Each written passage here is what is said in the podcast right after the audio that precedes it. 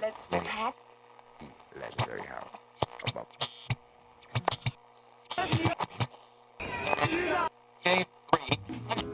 Welcome back to Coming Out of the Celluloid Closet. I'm Kate Crochelle. My name is Andrea Coloma. And today we're talking about ballroom. We're going to dive into the ballroom scene, how it has been portrayed earlier, and how it is portrayed today through different media. In this episode, we are looking at the ultimate classic, Paris is Burning, and also taking a look at the more current representations of ballroom, such as Pose and Legendary.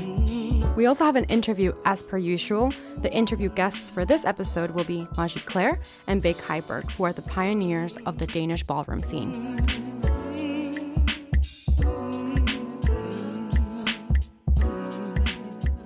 Hey, Andrea. Hi, Kate. How What's are up? you? I'm good, thank you. I'm excited to talk ballroom and become smarter. Me too. And I've just had a crash course in all things pop culture and ballroom. Watched Legendary, watched Pose, watched Paris is Burning again just to catch up. And do you think that you're like ready? Like, do you think that you know you have like an overview of what ballroom is? I think we should just start with the basics again. Let's just say to each other what our perception of ballroom is now from being outside of the ballroom community.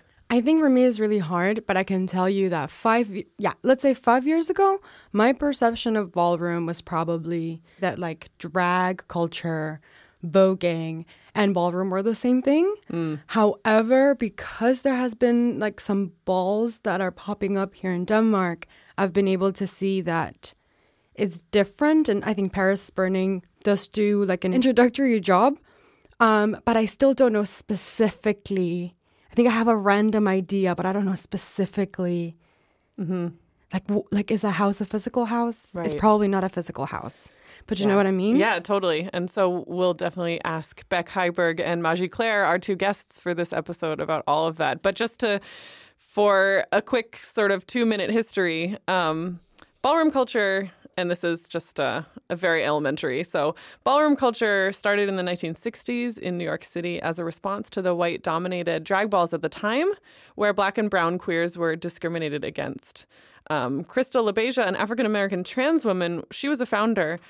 And you can see this actually in the 1968 documentary The Queen, which is about the response to those white balls, those drag balls. Yeah, doesn't she walk out and have this awesome speech? Mm-hmm. Yeah, Yeah.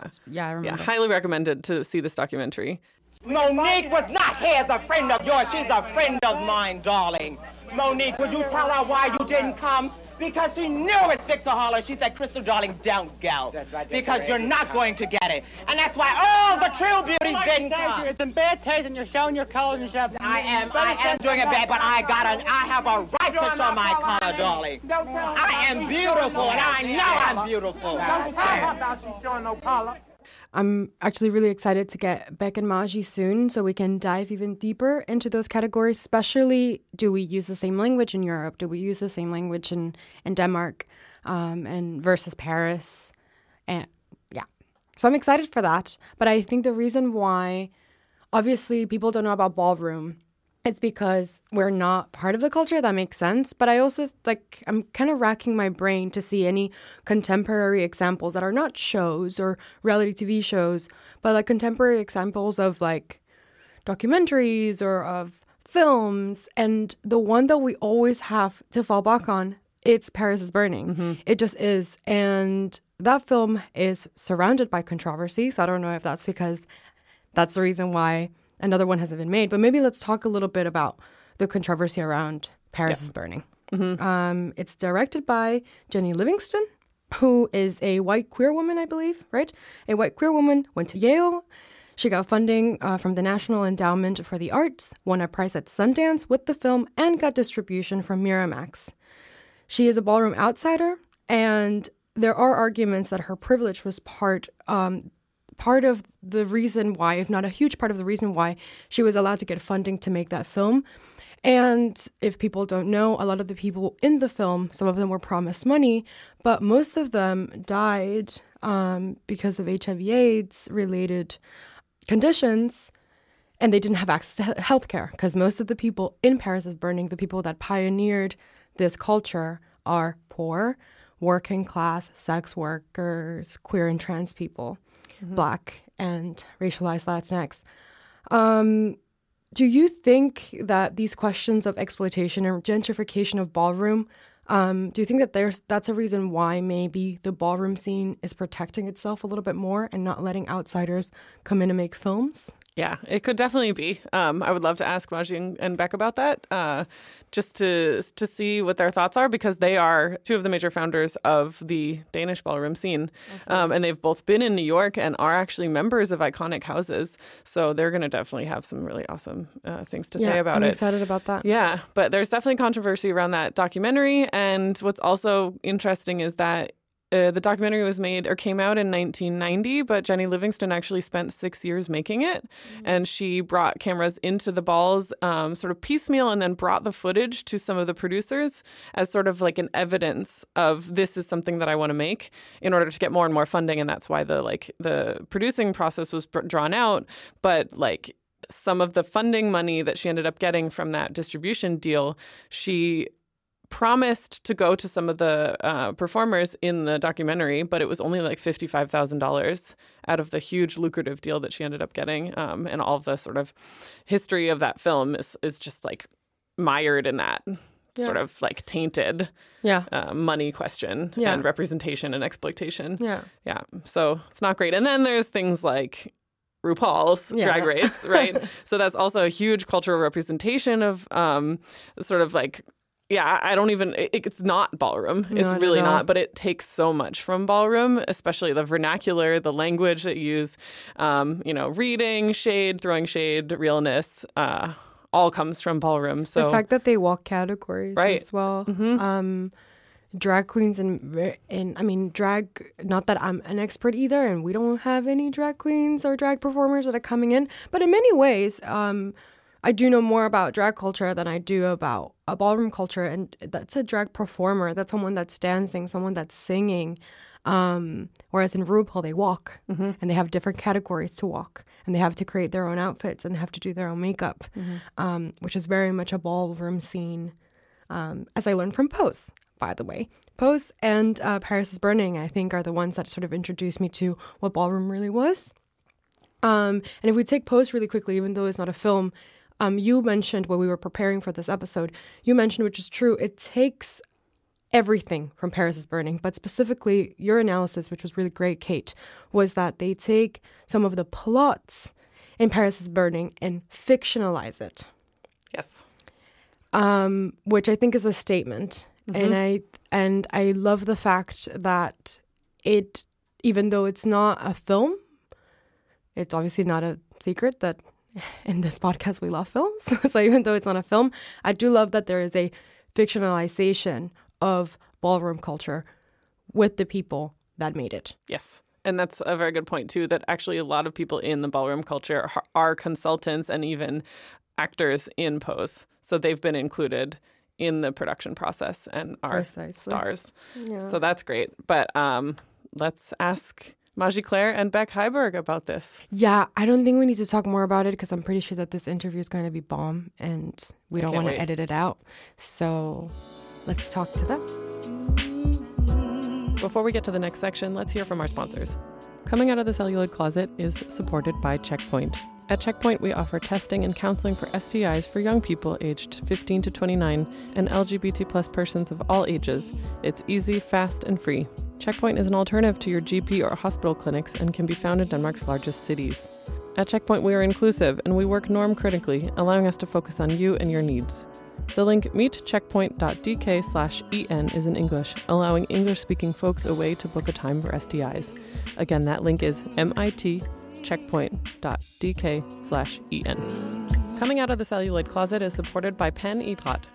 Pan Idrat is a rainbow organization that focuses on creating a safe community through sports and activities. Many LGBTQ plus people have had negative experiences when playing sports, whether due to exclusion, bullying, or homophobic locker room talk. Pan Idrat seeks to right this wrong. All people, no matter age, size, sexuality, gender identity and expression, or skill level, are welcome to join for more than 25 sports and activities. From traditional sports to social activities like board games, you are included. Check them all out at panidrat.dk. Let's start by introducing yourselves. Maji? Yeah, my name is Maji Miyake Mugler. Um, I am from the iconic house of Miyake Mugler, um, which has existed since 89 and um, was founded by a whole lot of people in New York. Um, yeah, and I walk Sex Siren mainly, but I also occasionally walk Vogue Femme. Um, yeah, and I am the European Princess of Seduction, still ruling, still reigning, since there has have not been a, a awards ball for a couple of years. So I'm just milking that. Why not? Yeah, And can you say your pronouns for us also? she, her. Yeah. What about you, Beck? Do you have a little introduction for us and our audience? Sure. Uh, my name is Beck. Um, as of right now, 007. I used to be in the iconic House of Ninja, um, which is uh, a house that was founded in uh, 1982 by Willi Ninja and Sandy Apollonia Ninja. Um, but right now I'm 007, and uh, which means I don't have any house affiliation. Um, like all the Danish politicians that are leaving their parties, but in ballroom. Double O's. wow. I don't feel like being in the same boat as them, but That's okay. also fair. I take it back. I take it back. I apologize. Take it back. Um, the categories I walk is old way and realness, um, mainly, and uh, yeah, both me and Maji has been part of starting the Danish ballroom scene. Um, yeah, um, I'm the old bitch in this country. We're the pioneers. Oh my god. I mean, aren't we? I love, I love the humility is beautiful. We actually are. But I think so. You've Amongst told us a little about your houses. You told us a little bit about what you categories you walk. But maybe let's bring it back to the basics. You are talking to my grandmother. She's 87. What is ballroom? Oh, yeah. Do you want me to take it?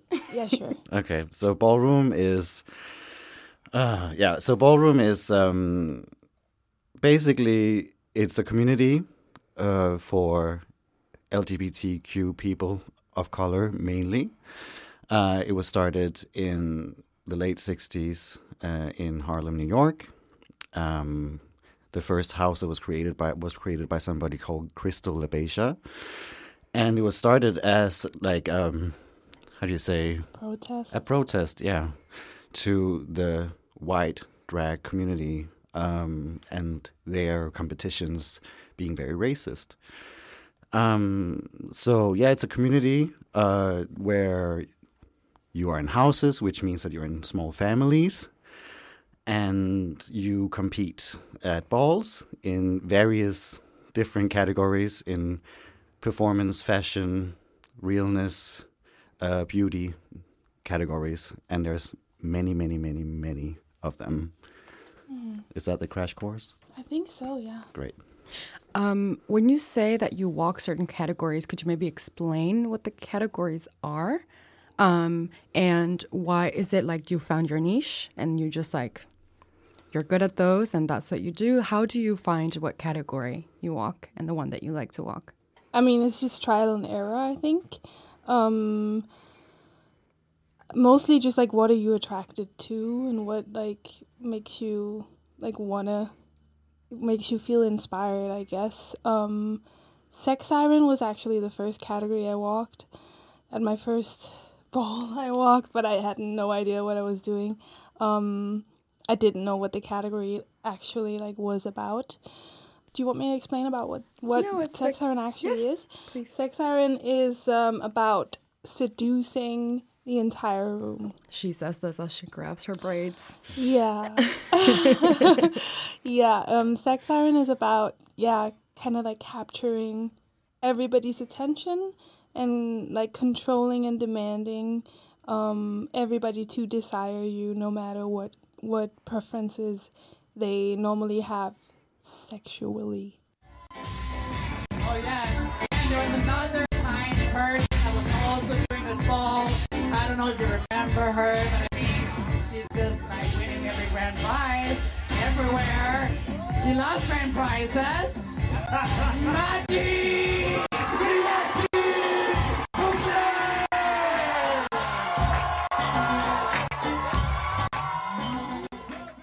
um yeah so it's just about seduction and so you um you compete wi- um against other sex sirens um and sometimes it can be I walk female figure sex siren. There's also male figure sex siren, and then there's sometimes also lion babe, and um cat boy sex siren, and the female figure sex siren is is uh, for people who are female presenting, and the male figure sex siren is for male like or people that are male presenting.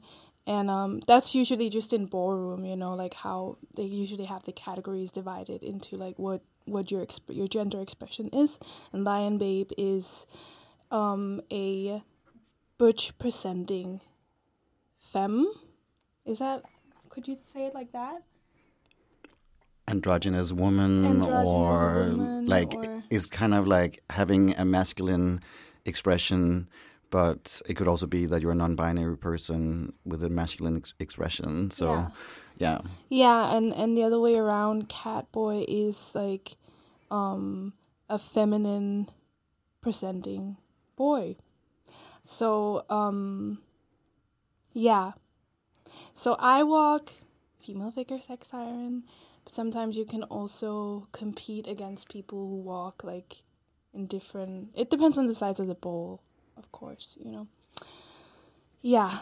So What about you, Beck? What are your categories? What are they? And and was it also trial and error that you did one of these and you were like, I'm good. I'm gonna keep doing this. I guess in a little way, yeah. Um, I'm a dancer in outside of ballroom also, and so I started with dancing. And old way is a, it's a performance category, aka it's a dance. Uh, you could argue, um, and um, so I came into ballroom via dancing, and. Uh, it was not my first category, but it's definitely the one that I was best at, so I kept doing it. and uh, realness uh, came way later. So, well, so basically, Old Way is the first uh, version of Vogue. Um, and I guess a lot of people who are outside of the ballroom scene, if they know about something, then they know about voguing.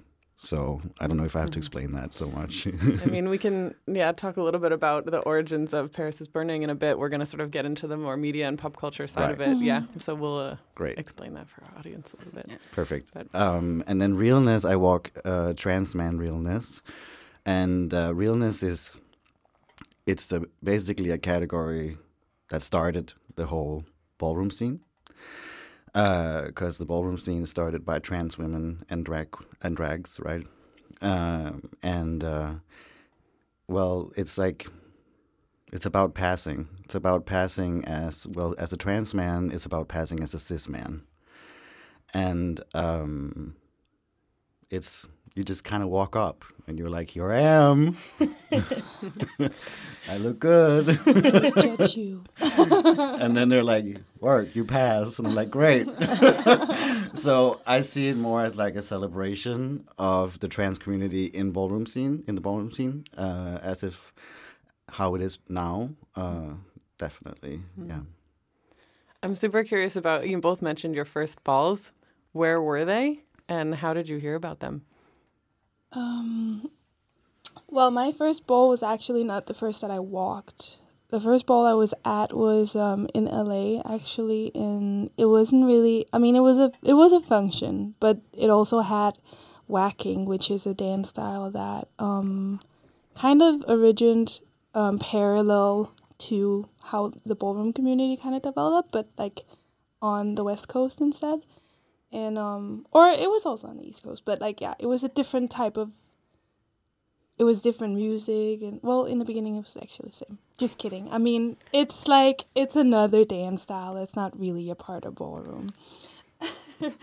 So i was super into that at the time and then they had like some workshops and stuff in la and i just like showed up to that, and then they told me about this event that was a ball, but also a waacking battle, and that was my first like experience with ballroom, and yeah, it just blew blew me away. And then after that, I went to New York and started looking for it um, in the clubs.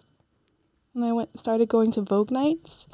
Um, they used to be around Midtown, like Hell's Kitchen, and um, yeah, that was just like a little club night where they had like balls, but it's not like a big grand ball, but it's like a little mock function where they have categories and people just like they don't have a spe- specific dress code or anything, but it's just like the the the commu- the people from the community there like celebrating and voguing and like having a great time. And I was just like in the corner, you know, just super intimidated, like so young as well, and just like soaking it all up and thinking that, that this was the coolest thing that I've ever seen in my entire life.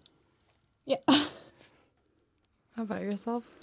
Um, well, I started voguing uh, many years ago, um, before there was really a ballroom scene in Europe. And um, the first time I ever went to any sort of, I don't even know what to call it, but any sort of situation where there was voguing was at Street Star in Sweden, which is like uh, it's a street dance battle, and they had a they had voguing also, uh, which uh, looking back at it now seems super off.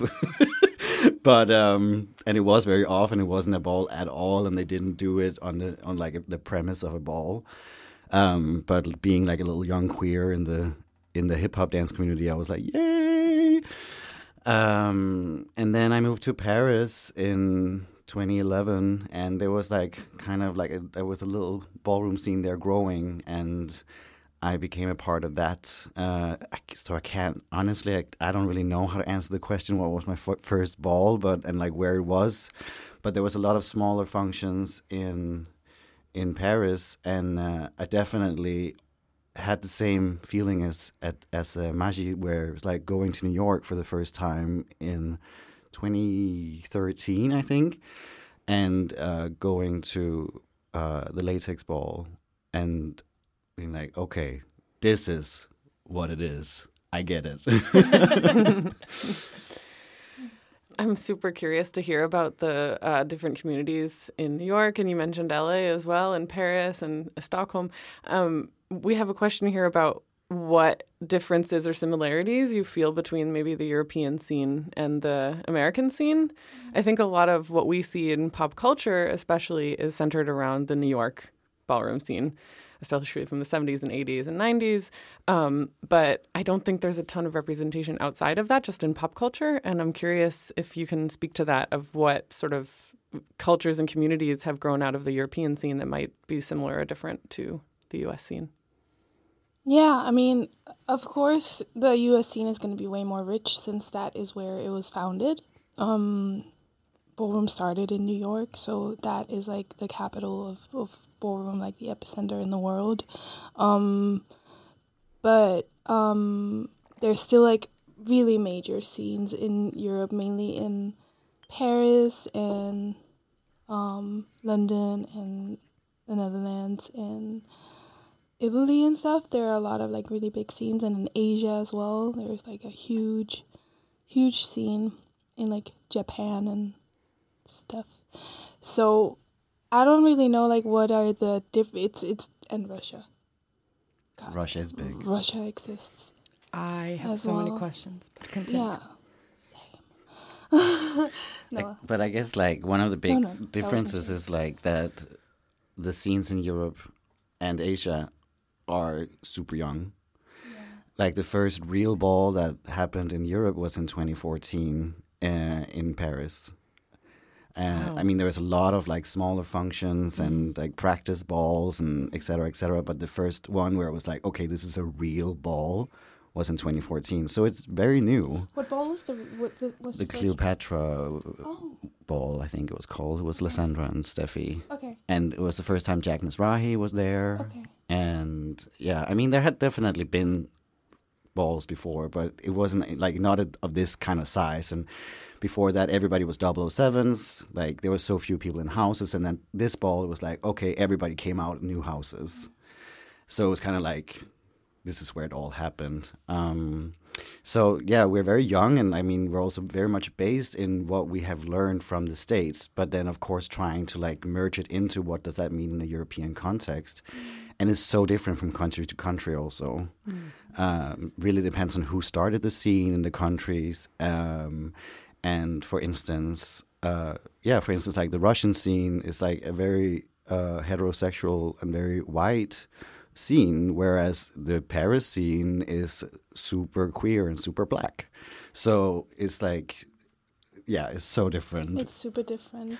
So it also reflects on you know how the how the the queer identity in that country is and what is actually possible. You know, but it it is diff. I mean, I think we both experienced like starting a scene as well from scratch. You know, like how do you do that? How do you curate it out to the people who actually need it in the space that we are in? And that's difficult. And of course, you know, like as Beck said as as well, it also reflects on who started it. Because if you you learn about ballroom as like uh like cis het white dancer who just like go to New York to take some classes and stuff and you re- you see this like amazing dance style on the timetable and you start taking some classes you want to bring it back home and start something you know? Then of course you know you're to have dance classes curated to dancers and you're not really to understand how to kind of target an, an audience that you know that might actually need this as like a community and not just as something fab to you know learn. So yeah there are definitely also communities that like reflect very much on that um but it's difficult. I think it's so difficult. And in denmark we have some some for example we have some like problematics in in in like um in our like queer communities. And like we have a lot of queer communities that are actually like really hidden. Um and how do you how do you make them come out not necessarily come out to the public because that doesn't mean that they have to be out there and out and proud and on the vans and stuff and shouting because that's not safe for everybody you know? But how do you let people know hey we have this safe space where you can actually come and be you and then you can you know go just to try, take a break from your you know like You have mentioned now at different points, because I want to get to this, but you have mentioned at different points small balls or practice balls or Mm-hmm. things that are not real balls. What does that Is it the size?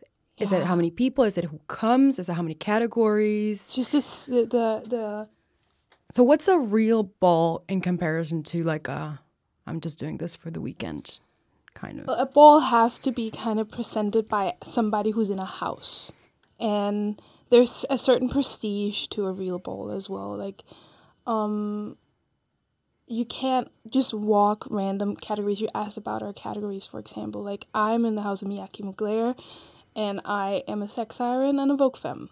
So i can't start walking other categories because i was i that's when i'm out like at balls i represent my entire house and their legacy so they know that I'm really, really good at these things, and I can't just like go out and do runway all of a sudden because they're gonna be like, "What the fuck are you doing? You're making us look crazy," you know what I mean? Except if I'm like really good at it.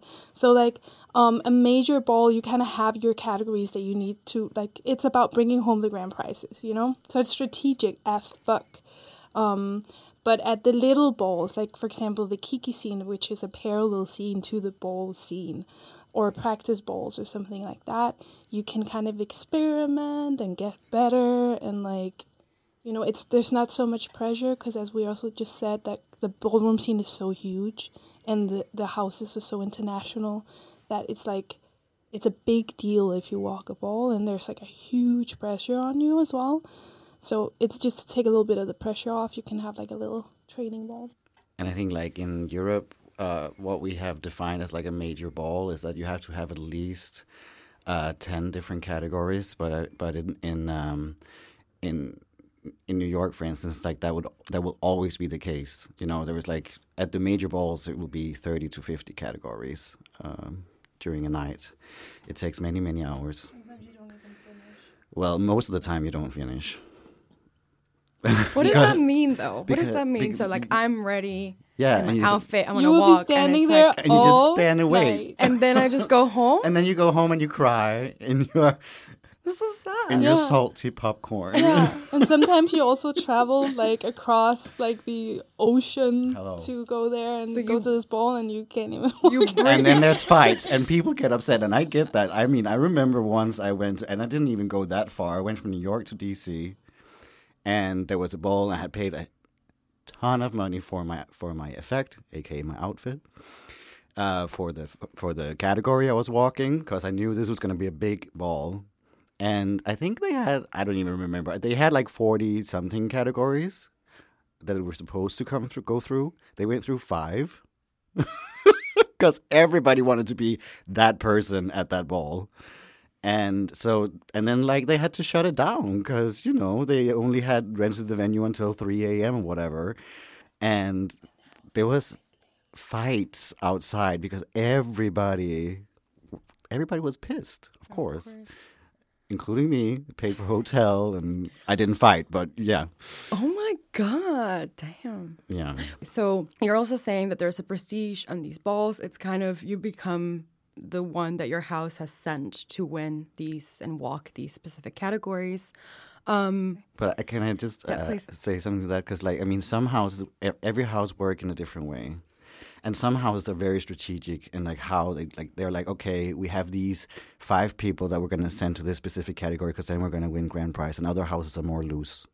And be like, okay, whatever you want. If you want to walk, you you can walk, you know. And it's not like strategic like that in that sense. But yeah, I just wanted I- to clear that up. that yeah, and I, all the houses I have in my head are legendary. But let's say I'm from whatever house and I want to walk in a category. Do you do you just go like bef- when you get your invitation? Do you just tell them like I would like to walk in this category? How does that how does that process go? Do you have to be in a house? No, you don't have to be in a house in order to walk. You can walk as a 007. And then usually it goes like this. You walk the category you want to walk as a 007. Some houses see you if you're fab and you're slaying, and they're like, hmm, do you want to come to house practice? And then they take you to house practice and they suck up to you, and you kind of suck up to. I mean, it's a little like cour- courtship kind of vibe. And sometimes, if you're really fab, a lot of houses show interest, and then you just choose a house that you want to be in, and then you are in that house for that category, and then you can also like ask your father, your mother, can I also walk this? Let's see at practice, you know how it goes, and you know, adorable. yeah, mm-hmm. it's adorable. But okay, then what about I? A ho- I was gonna say if I start a house today, I have no business starting no houses of anything. But if someone, if if you, for example, Beck wanted to start a house, how is that process? How does it would would it be the same that you would go to balls, look at double sevens, aka people that are not in houses, walk and start building your team, or how does that process work? Well, I think it also again differs from house to house. Um, I mean, as I was saying uh, earlier, houses uh, are like families, right? And nowadays, uh, a lot of the iconic or legendary houses that has been around since the '80s um, or even earlier, uh, they are huge, like you know, and international, and um, of course, you cannot know everybody and be like, "Oh my God, you're my sister," with everybody that you have never met that, that live in the other side of the world. Um, but it is still like a, it is still like a family. It functions kind of like a family, right? And um, but then also some other houses uh, are still more family oriented than others. So um, some houses, and I would say I would probably argue most houses, they definitely go to balls to like yeah, snatch up 007s or even snatch from other people's houses, mind you. Um, but there's also some houses, and for instance, in uh, the Kiki scene, in especially uh, I would say more family oriented, whereas more so like okay, we have we have a special bond, we have a connection, like you're my gay daughter or gay son or whatever, and therefore you're in my house. Um, again, differs from from house to house, but but uh, I mean, yeah. So there's different ways of going about it for sure. Uh, but of course, talent is a major part of it because you you want your house to be recognized as the house, you know, with the most grand prizes. Who is the house with the most grand prizes? Is that a secret? Is that like only you know and you I can't mean, tell there's not a house with the most grand prizes. Probably, but we Um, don't know which one it is. Probably, but nobody's keeping count, you know. But like people, like each, if you ask every house, they're gonna say their house is the one with the most grand prizes. I mean, Miyake Mugler. But I, but I mean, at the, I guess so in different areas of the world there is awards balls, and uh, that's where you kind of count uh, Oh yeah, which one is do keep count. hello, but it's only per year. Yeah.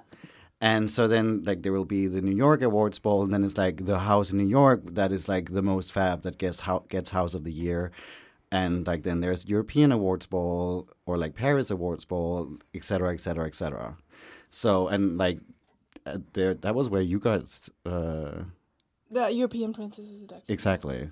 So By the way. by the way, just you know, putting it out there again. Yeah. so yeah, I mean, we do keep count, but it's like kind of like per year. Yeah.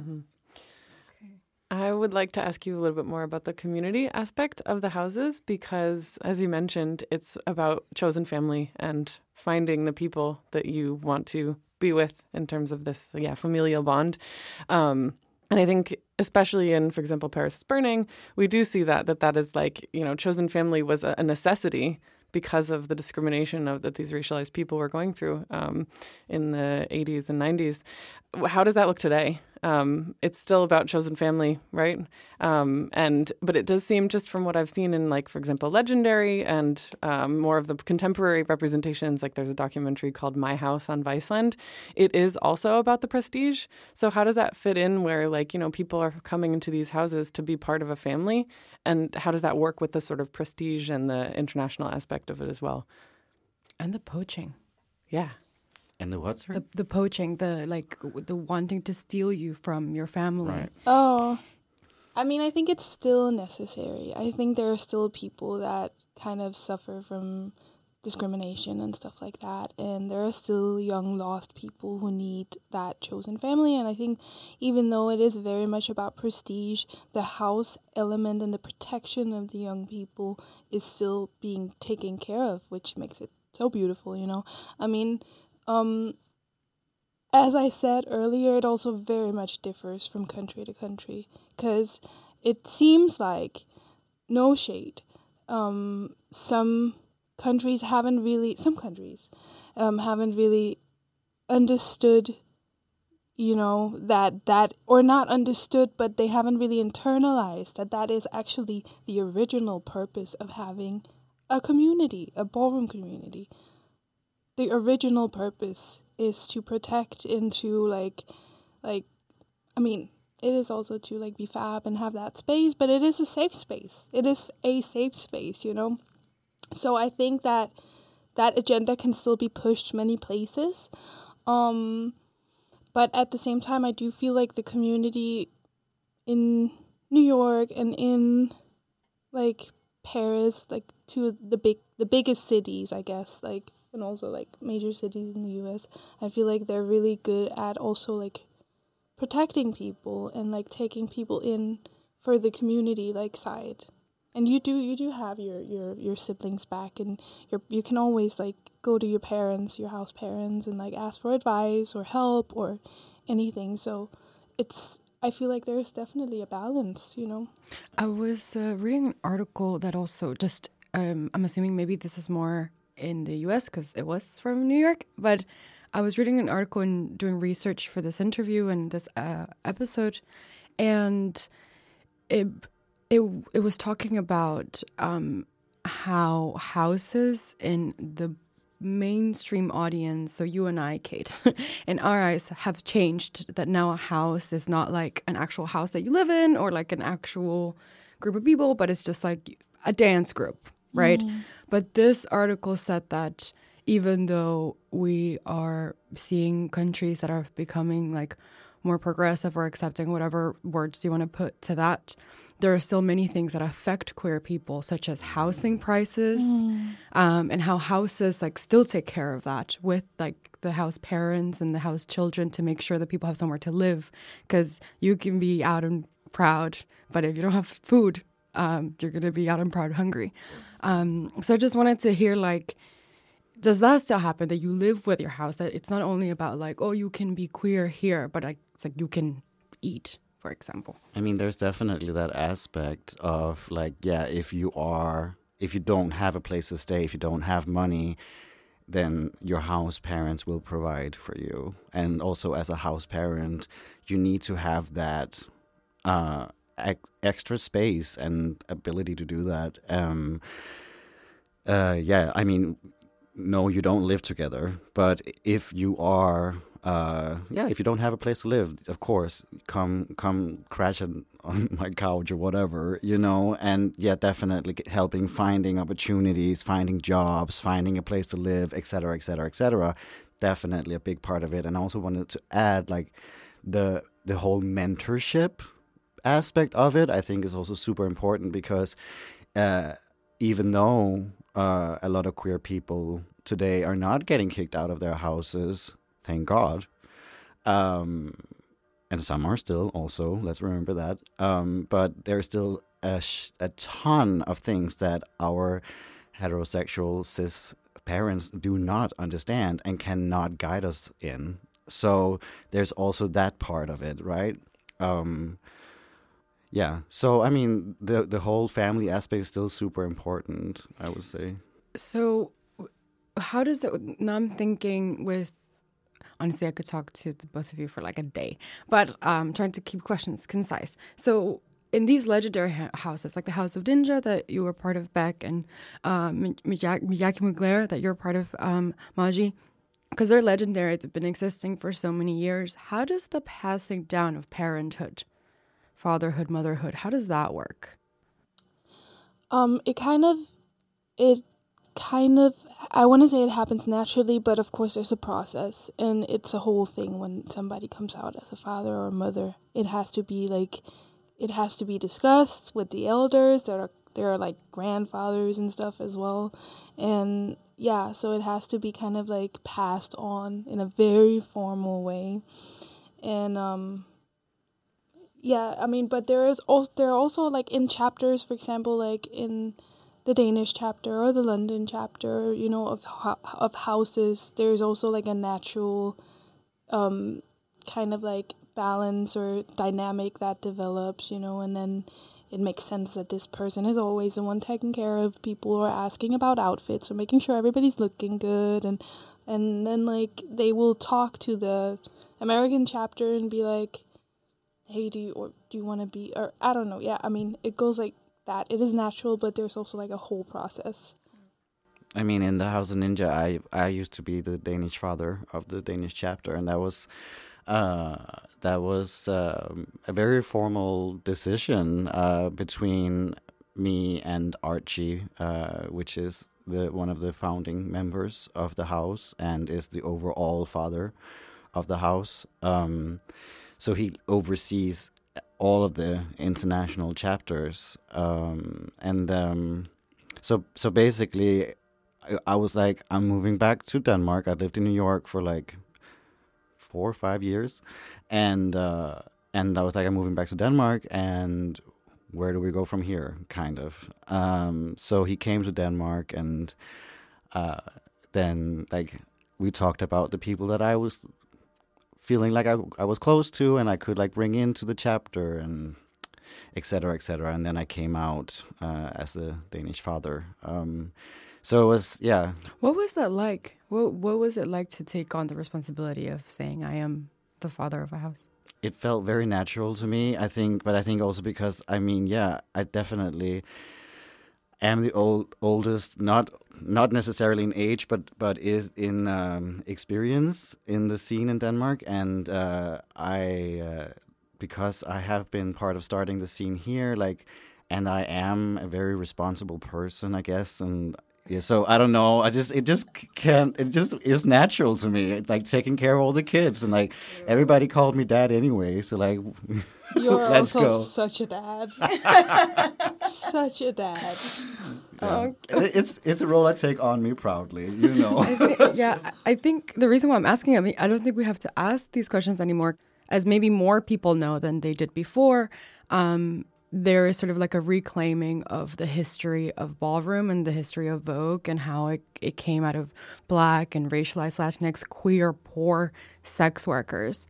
Um, so I think our questions were more like, do you could you talk a little bit more about how those communities are still involved? Um, but I guess you have, like by the mere existence that you are doing what you're doing, you have. Uh, But like adding to that, I think like well now it, I mean it's a it's audio this so you can't see, but I'm a white person, and uh, and I mean I think that is like something that is also very important to to to think about and, and talk about what it means to be a white person in a community that is made for and by people of color, um, and uh, and understanding that you are to some extent a guest in the scene that you are not uh, the one coming in and being like well i own everything and taking charge of everything and changing everything and like it's like okay like i'm going into the scene on the premises of the scene and i am here as a guest and thank you for letting me be here you know and and i think like uh that is one of the things that is super important to remember from what you just said, right? That is like, where did it come from, and how how do we honor that today? Um, talking from my own perspective, at least. Yes, and that's actually a good segue to the elephant in the room, which is Paris is burning. But I feel like we have to talk about it um, because I am the bearer of bad news. what happened? What happened is that you and I cannot control ourselves, and we spoke to Beck and Maji for an hour and a half, It's true. which means that we are just cutting this right at the edge of maybe losing your concentration a little bit because it's just it's a lot of ballroom. But I have the good news. Yay! is that we're back next week with the rest of the interview with Beck and Maji. So we've got um, another full episode talking to them about ballroom. So come back next week and check it out. You get two for one. See ya. Thank you so much to Maji Miyake Mugler and Beck 007 for being our guests today. Actually, since we recorded this podcast, Beck has become the house father of the new Kiki House of McQueen, so uh, that's super exciting. This episode of Mix Copenhagen's Coming Out of the Celluloid Closet podcast was presented by Andrea Coloma and Kate Crochelle. It was researched by Michael Talton and produced with help from Ben Hansen Hicks. Mixing and editing by Winter Robinson. Don't forget to like and follow Coming Out of the Celluloid Closet on Spotify, Apple Podcasts, or wherever you listen to podcasts. We are releasing new episodes every week throughout the autumn.